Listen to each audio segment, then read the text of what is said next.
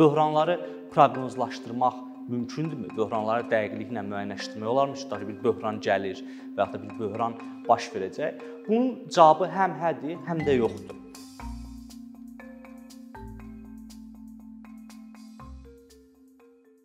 Bu gün mən əsasən inkişaf etməkdə olan ölkələrin qarşılaşa biləcəyi böhran formalarının nümunələri ilə, onların nəzəri və praktik tərəfləri ilə bağlı danışacağam. Ümumi olaraq iqtisadi böhranları 3 formada, 3 tip olaraq biz ayırırıq formasına, xüsusiyyətinə görə.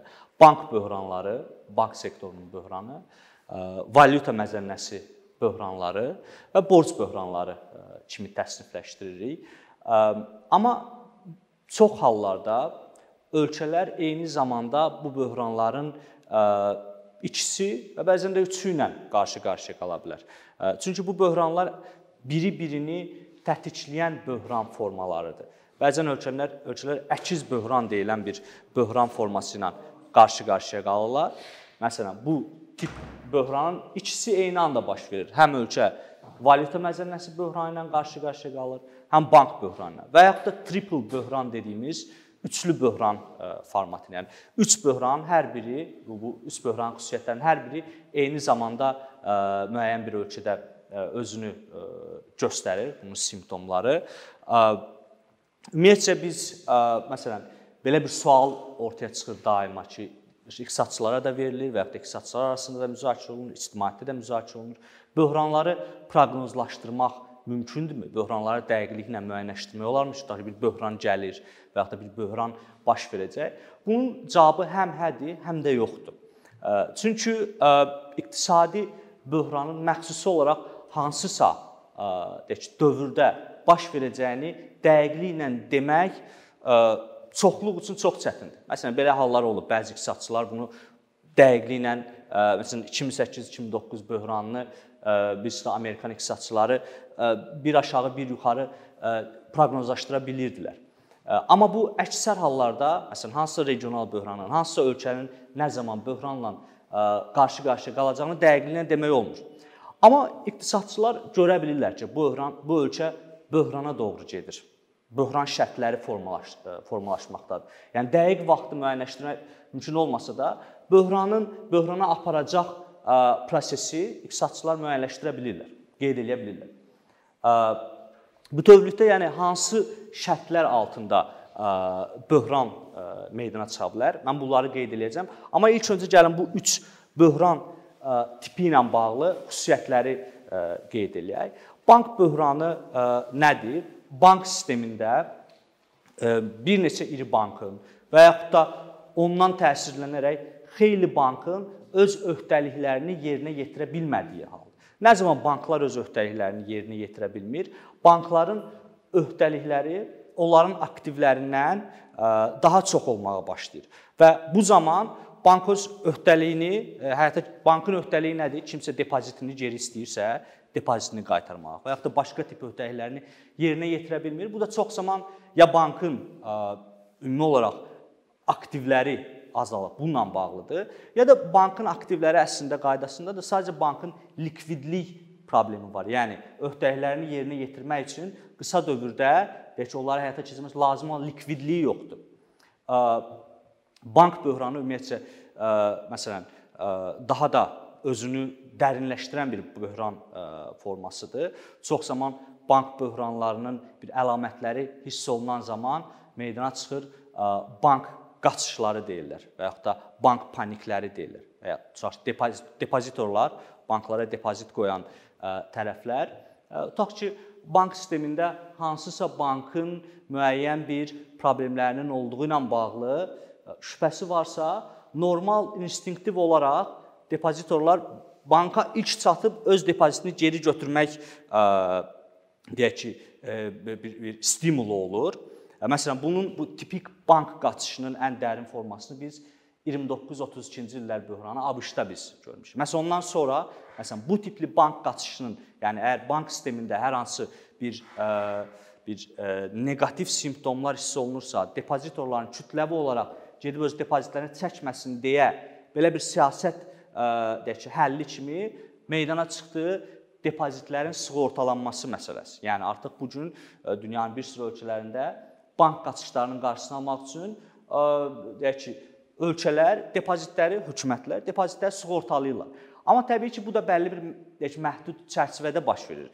Depozitləri tam həcmdə sığortalamaq mümkün deyil. Çünki resurslar, ictimai resurslar məhduddur. Bütün depozitləri sığortalamaq mümkün. Bəzi ölkələrdə daha böyük həcmdə sığortalayırlar, bəzi ölkələrdə öz resurslarına uyğun olaraq daha kiçik həcmdə. Yəni əsasən bank qaçışları müəyyən qədər deyək ki, daha az hallarda baş versə də müasir dövrdə yenə də meydana çıxmaqdadır. Baxmayaraq ki, deyək ki, bu depozitlərin sığortalanması strategiyasında istifadə edilir. Yəni bu müəyyən qədər problemləri mülayimləşdirir, amma tam da həll həll eləmir. İkinci formalı böhranı isə biz qeyd elədik valyuta məzənnəsi böhranıdır. Valyuta məzənnəsi böhranı sadə olaraq ölkə milli valyutasının kəskin şəkildə dəyərsizləşməsi məsələsi ortaya çıxır. Kəskin şəkildə sözü ümumi gələ bilərsə, yəni nədir kəskin şəkildə? Bu da ölkədən ölkəyə dəyişir. Bəzi ölkə üçün 10%lik dəyərsizləşmə bir böhran xüsusiyyəti yarada bilər. Bəzi ölkələr üçün isə daha böyük deyək ki, tolerantlığı var valyutanın dəyərsizləşməsinə. Xüsusən də inkişaf etməkdə olan ölkələrdə valyutaların dəyərsizləşməsi, məsələn, 15-20%lik həcmdə dəyərsizləşmə artıq o ölkədə bir böhran situasiyası formalaşdırmaq həcmi. Bəzi daha deyək ki, iqtisadi olaraq oturmuş ölkələrdə isə bir qədər daha yuxarı tolerantlığı var valyutaların dəyərsizləşməsinə.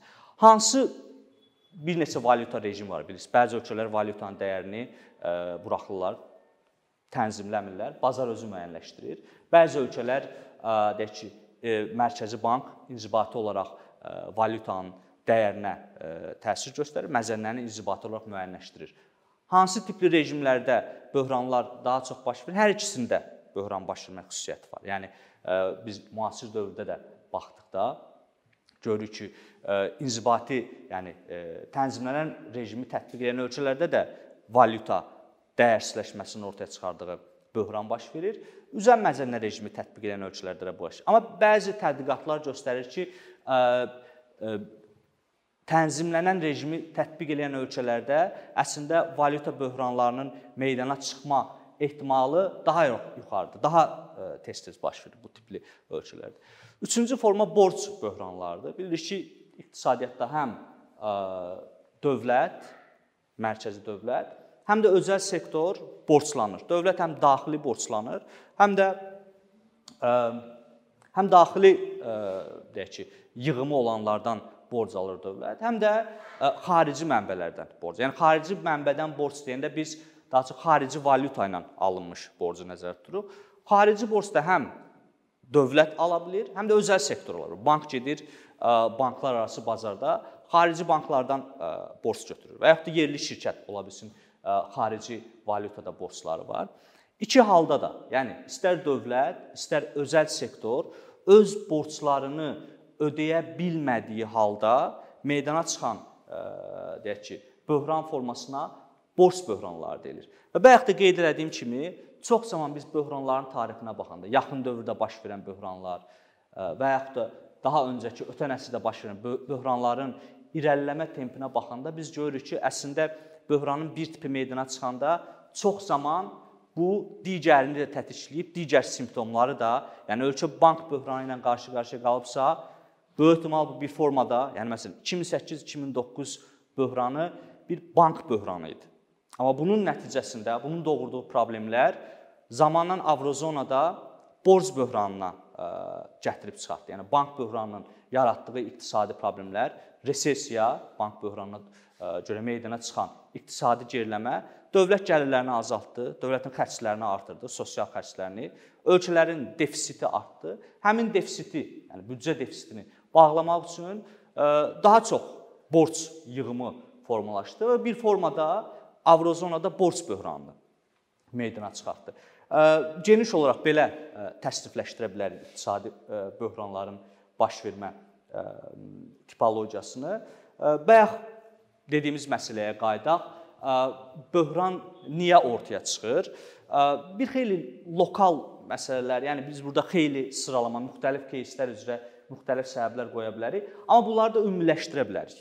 Ümumiləşdirə bilərik ki, əsasən bu səbəblər e, deyək, böhranın e, iqtisadi böhranların meydana çıxmasına e, təsir göstərir. Orda iki əsas məsələni biz qoymuşuq. Makroiqtisadi tarazsızlıqlar. İndi danışacağıq nəyi nəzərdə tuturuq orada. Digər bir məsələ isə volatil kapital hərəkəti. Yəni kapitalın deyək ki, bir bazardan digər bazara sürətli hərəkət, ölkəyə bir dövrdə sürətli xarici deyək ki, qısa dövr investisiya daxil olur, anidən ölkəni tərk edir. Bu da bir böhran situasiyası formalaşdırır. Amma gəlin ilkin məsələnin üzərinə fokuslanaq indi. İqtisadi tarazsızlıqlar deyəndə nəyi nəzərdə tuturuq? Çox yüksək büdcə defisiti. Məsələn, əgər bir ölkə uzun bir müddət buna dayanıqlı olmayan büdcə defisiti, yəni uzun müddət xərcləri gəlirlərindən kifayət qədər çoxdursa, bu o deməkdir ki, bu ölkə həmin defisiti bağlamaq üçün təbii ki, bir formada borclanır. Ya daxili borclanmaya gedir, xarici borclanmaya gedir. Bu dövlətin borc yükünün daha çox deyək formalaşmasına gətirib çıxardır. İkinci bir tarazsızlıq nümunəsi dedik, o da birinci faktorla bağlıdır. İri həcmli dövlət borcları. Məsələn, bu da yenə məsələn iri həcm sözü deyə bilərsiniz bu nisbi sözdür. Bəzi ölkələr çox yüksək ÜDM-in 150%, 200% qədər dövlət borcunu daşıya bilir. Bəzi ölkə isə ÜDM-in 70% qədər olan dövlət borcu belə risk yaradır. Yenə dediyimiz kimi bu həmin iqtisadiyyatın xüsusiyyəti ilə ə, asılıdır. Amma inkişaf etməkdə olan ölkələr üçün isə İri həcmli dövlət borcu bu aydın məsələdir, gec-tez, e, yəni sən Yaponiya deyilsənsə, Birləşmiş Ştatlar deyilsənsə, iri həcmli dövlət borcu sənə bir nöqtədə problem doğura bilər. E, özəl sektorun iri həcmli e, borcu, bayaq qeyd etdiyimiz kimi dövlət kimi özəl sektorda xarici mənbələrdən borclanır.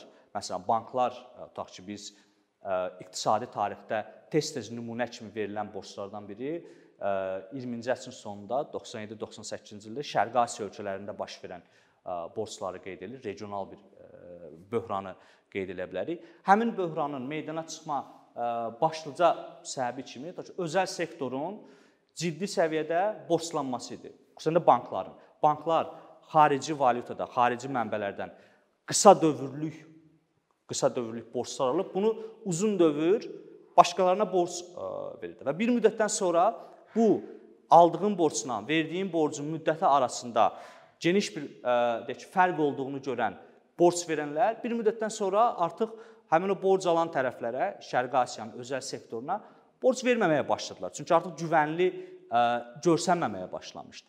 Özəl sektorun iri həcmli borcları. Bu gün regionda xeyli, məsələn, biz biz neçə nümunə göstərə bilər ki, o iqtisadi problemlərinin deyək ki, başında gəlir özəl sektorun ciddi səviyyədə borclanması, xüsusən də xarici valyutada borclanması.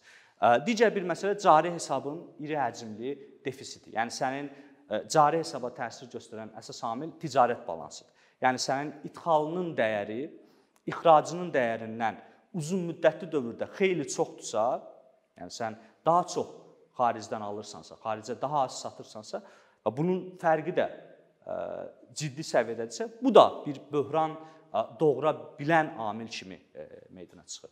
Digər bir tərəf həddən artıq dəyərlənmiş valyuta. Bu daha çox spesifikdir. Tənzimlənən valyuta rejimi tətbiq edən ölkələrdə. Tənzimlənən valyuta rejimi tətbiq edən ölkələrdə nominal məzənnəni Mərkəzi Bank müəyyənləşdirir. Bəzən müəyyən edilən nominal məzənnə əslində valyutanı olduğundan daha dəyərli göstərir. Bu da Mərkəzi Bankın üzərində müəyyən deyək ki, təzyiq yaradır ki, həmin o həddindən artıq dəyərli olan valyutanı saxlamaq üçün daha çox ehtiyat xərcləsin. Bu da Mərkəzi Bankın ehtiyatlarının tükənməsi bir problemi meydana çıxara bilər. Bu situasiyaları özündə cəmləyib böhranla qarşılaşmayan ölkələr də var. Bu situasiya uzun müddət ə, çəkə bilər. Onun üçün məsələn biz burada ə, böhrana aparan yolla böhranı bilavasitə ortaya çıxaran hadisə arasında bir ə, fərqləndirmə eləməliyik. Bəzi ölkələr bu problemləri olub bir müddət və yaxud da uzun müddət böhransız davam edə bilər. Bayaq ona görə dedim ki, böhrana gedən yolu biz görə bilirik, amma böhranın dəqiq olaraq nə vaxt meydana çıxacağını deyə bilmirik. Çünki bu bir hadisədən e, asılıdır və bunu da proqnozlaşdırmaq mümkün olmur. Çoxsa məsələn, tutaq ki, Meksikada 94-cü ildə baş verən böhranı qeyd edir. Tutaq ki, orada bu şəraitlərin, bu şərtlərin bir neçəsi var idi. Amma hələ böhran ortaya çıxmır. Böhranı bilavasitə ortaya çıxaran səbəb qlobal olaraq faizlərin yüksəlməsi oldu. Yəni çox ciddi səviyyədə borclanmış ölkə yenidən yeni borca da ehtiyacı var. Çox zaman iri miqyaslı borclanan ölkələr mövcud borcları qaytarmaq üçün kənardan borc alırlar. Və borc faizləri qalxdıqda qlobal deyək ki, maliyyə bazarlarında bu borc alan ölkələr üçün əlavə bir yük yaradır. Onlar artıq bu dəfə daha baha borc tapmaq olurlar və o daha baha borcu qaytarmaq da onlar üçün çətinləşir. Məsələn, burada dediyimiz məxsusi bir hadisə, qlobal faizin yüksəlməsi Meksikanı belə bir deyək ki, yanlış makroiqtisadi şərtlər olan ölkəni böhrana apardı. Və yaxud tutaq ki, Avrozonanın borc böhranı. Avropa ölkələri uzun müddətdir büdcə defisiti, büdcə defisiti mövcuddur ölkələrdə. Amma ona qədər borc böhranı baş vermirdi. O borc böhranını meydana çıxaran, məsələn onu tətikçiləyən hadisə 2008-2009 maliyyə böhranı oldu. Və yaxud da məsələn Türkiyə nümunəsində deyək. 2001 böhranı, deyək Türkiyədə ciddi bir deyək tarixi iqtisadi böhranlardan biridir. Bütün deyək ki, siyasi prosesi dəyişdirən bir böhran. Orada da Türkiyənin ciddi bir iqtisadi deyək ki, bu qeyd elədiyimiz cari hesabın defisiti var və yaxud da digər problemlər var. Amma böhranı doğuran deyək ki, addım bir siyasi deyək ki, anlaşmazlıq oldu. Ölkə prezidenti ilə baş nazir arasında baş verən bir deyək ki, o ictimaiyyətə yayılan bir anlaşmazlıq bu bütün bu səbəblərin birdən-birə böhrana çevrilməsinə gətirib çıxardı. Bu baxımdan, yəni bayaq dediyim fikri əsaslandırmaq üçün bu nümunələri qeyd elədim ki, böhrana gedən yolu müəyyənləşdirmək olar ki, bu şərtlər varsa bu gec-tez bir böhran doğuracaq. Amma iqtisadçılar dəqiq vaxtı ə, deyə bilmirlər. Dəqiq vaxt o artıq deyək ki, hansısa gözlənilməz bir hadisənin deyək ki, nəticəsində meydana çıxa bilər. Böhran keçiciliyi anlayışı bir sıra hallarda biz görürük ki, bir ölkədə böhran baş verir, bu regional xarakter alır. Məsələn, Şərqi Asiya böhranı. Taylandda başlayan böhran bütün Şərqi Asiya ölkələrini ki, bir böhran xəstəliyinə yoluxduğu deyə bilərik. Və yaxud da 2008-2009 böhranı ABŞ-da başladı, daha sonra digər ölkələrə zamanla keçmiş oldu. Düzdür, buna biz qlobal böhran deyirik, amma bu qlobal böhran əslində dünya bütün ölkələrini eyni dərəcədə təsirləndirmir. Fərqli ölkələr fərqli cür təsirlənmiş oldu. Böhran keçiciliyi niyə baş verir? Bir ölkədə baş verən böhran niyə regional xarakter alır, niyə qlobal xarakter alır? Bu ona görə ki, dövrümüz ciddi şəkildə inteqrasiya edilmiş milli iqtisadiyyatların dövrüdür. Yəni dünya ölkələri arasında ciddi ticarət əlaqələri var maliyyə əlaqələri var. Bir ölkənin bankı başqa bir ölkənin maliyyə bazarında aktiv alır, ora yatırım. Bir ölkənin bankı başqa bir deyək ki, ölkədə mülklərə yatırım eləyir. Və bu baxımdan, məsələn, Avropa bankları ABŞ aktivlər bazarında yatırımlar eləmişdi. ABŞ aktivlər bazarında baş verən ucuzlaşma, orada baş verən problem təbii ki, ABŞ banklarına təsir elədiyi kimi Digər ölkələr hansılar ki, ora yatırım eləmişdi, o ölkələrdə təsir göstərir. Yəni bu gün maliyyənin bu formada deyək ki, yüksək inteqrasiyası həm də ölkələri bir-birindən asılı eləyir. Yəni bir formada biz böhrana xəstəlik kimi baxsaq, necə xəstəlik daha deyək ki, bu koronavirusda daha yaxın deyək ki, məsafədən keçiciliyi var. Ölkələrin bir-birinə yaxınlaşması da iqtisadi mənada böhranların keçiciliyini artırıb, ölkələrin iqtisadi əlaqələrinin artması. Bir bu halla baş verə bilər. Yəni birbaşa iqtisadi təmas var. Maliyyə münasibətləri var, ticarət münasibətləri var. Digər ə, e, halda niyə məsələn ə, e, böhran ə, e, deyək bir ölkədə baş verən böhran digər ölkələrə də keçid eləyə bilər. Məsələn, biz dedik ki, böhranı meydana çıxaran addımlardan biri də volatil kapital ə, hərəkətidir. Yəni ölkəyə qısa dövrlük kapital daxil olur. Sonra xırda bir problem olanda ölkədə iqtisadi, siyasi həmin kapital, yəni xarici investorlar daha çox qısa dövrlük aktivlərə yatırım edirlər. Ölkəni tərk edirlər. Əslində bəlkə də idarə edilə bilən bir problem kapital qaçışından dərinləşmiş bir problemə keçidilir. Məsələn biz bunu Türkiyə nümunəsində məsələn görürük ki, ölkədə hansısa bir deyək ki, ya iqtisadi 2001-də də bu olmuşdu.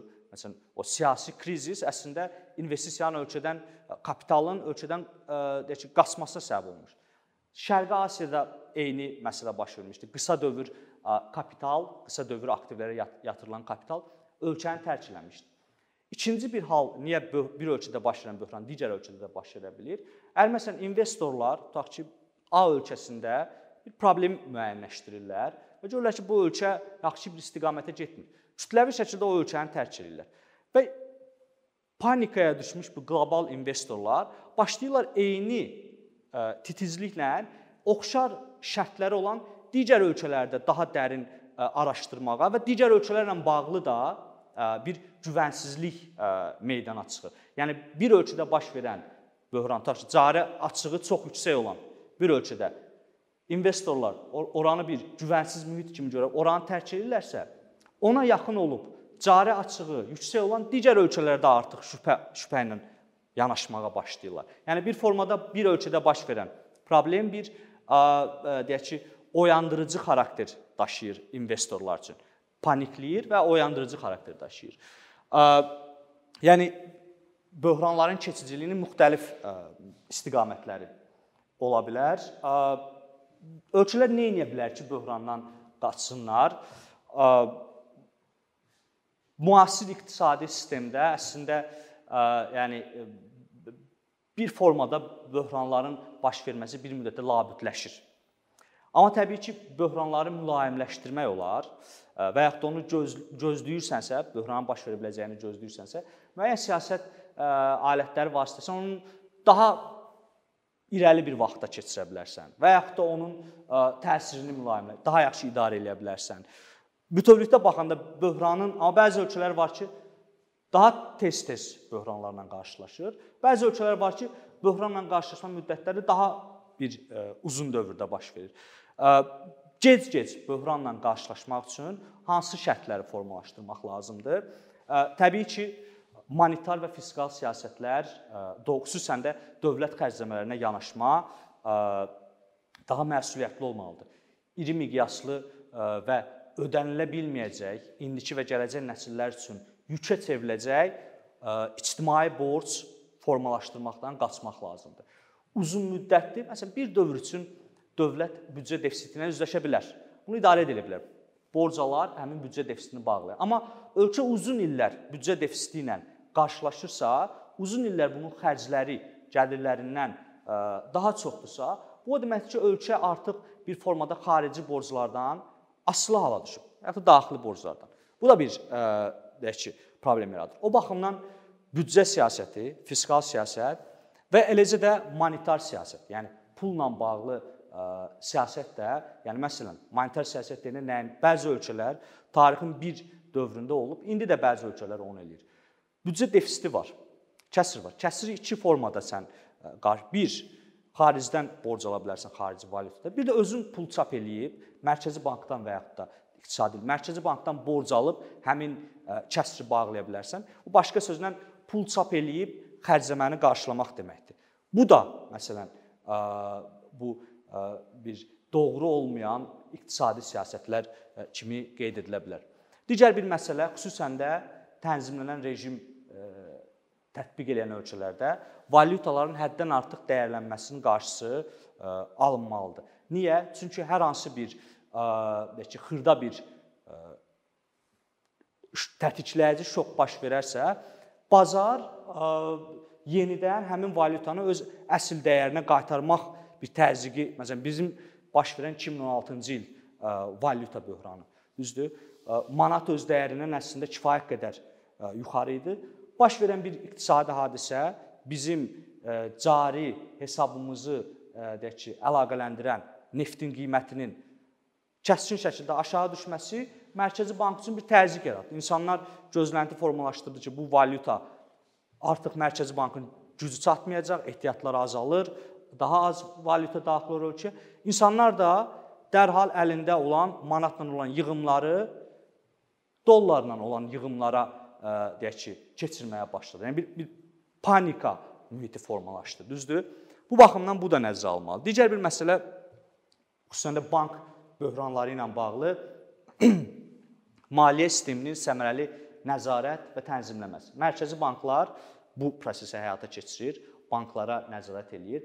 Xüsusən də bankların, məsələn, bayaq dediyim nümunə kimi, çox zaman banklar qısa dövr borclar alıb, daha uzun müddətli borclar e, verirlər. Bu məsələn bir problem yaradır. Bəzən banklar çox riskli aktivlərə yatırım eləyirlər, hansı ki, e, onların o yatırımların e, mənfi nəticə doğurma ehtimalı yüksəkdir. Bu da sonda ictimai deyək ki, resurs üçün yük dövlət üçün bir yük doğurur. Bu nəzərə çünki çox zaman əgər imkan varsa dövlət istəmir bank batsın. Çünki bir bankın batması əslində bank sektorunu zəncirvari şəkildə batıra bilər deyə hər hansı bank öz riskli fəaliyyətlərinin nəticəsi olaraq bir problemlə üzləşibsə, sonda dövlət yenə də öz resurslarından istifadə edib bunu qurtarmaq məcburiyyətində qalır. Bu məcburiyyətdə qalmamaq üçün daha öncədən bankların daha yaxşı nəzarətini həyata keçirmək mümkündür. Yəni onlar riskli aktivlərə yatırım eləməsinlər və digər sonda onların aktivləri və öhdəlikləri arasında ciddi bir disproporsiya yaradacaq bir e, mühit meydana çıxmasın. Üçüncü e, digər bir məsələ isə xarici investorlar üçün e, makroiqtisadi mühit barədə dolğun məlumatın verilməsi. Məsələn, dedik ki, böhranı bəzən bəlkə də idarə edilə biləcək bir iqtisadi problemi dərinləşdirən məsələ nə olur? Xarici kapital ölkəni dərhal tərk edir. Bəlkə də bu problemi həll etmək olar. Amma xarici investor ya məlumatsızlıqdan, ya çünki investorlar adətən bir-birlərinin fəaliyyətini izləyirlər, bir-birlərinin addımı, ya panikaya düşərək ölkə maliyyə bazarını tərk edə bilər. Amma ə, e, inandırıcı bir üslubla e, daha e, dolğun məlumatlar təqdim etməklə əslində investorlar da bir formada idarə edib bazarı tərk edilməsinə nail olmaq olar. Düzdür, praktikada bir o qədər də asan bir məsələ deyil. Amma mütəmadi olaraq investorlara iqtisadiyyatın durumu ilə bağlı daha dolğun ə, e, məlumatın verilməsi, problem varsa bizim bu problemin həlli ilə bağlı yanaşmamız necə olacaq? Bu strategiyanın izah edilməsi əslində bu da ə, e, deyək ki, bir kapital qaçışı probleminin qarşısını ə, e, ala bilər. Ə, biz böhranların tipologiyası ilə bağlı danışdıq, təsnifləşdirdik. Ə, böhranları hansı məsələlər ölkələri iqtisadi böhranlarla qarşı-qarşıya qoya bilər. Bundan bağlı danışdıq. Eləcə də böhran önləyici tədbirlər, yəni böhran meydana çıxmasın deyə və yaxud da daha gec-gec meydana çıxsın deyə hansı deyək ki, siyasətləri izləmək lazımdır. Bunları qeyd elədik.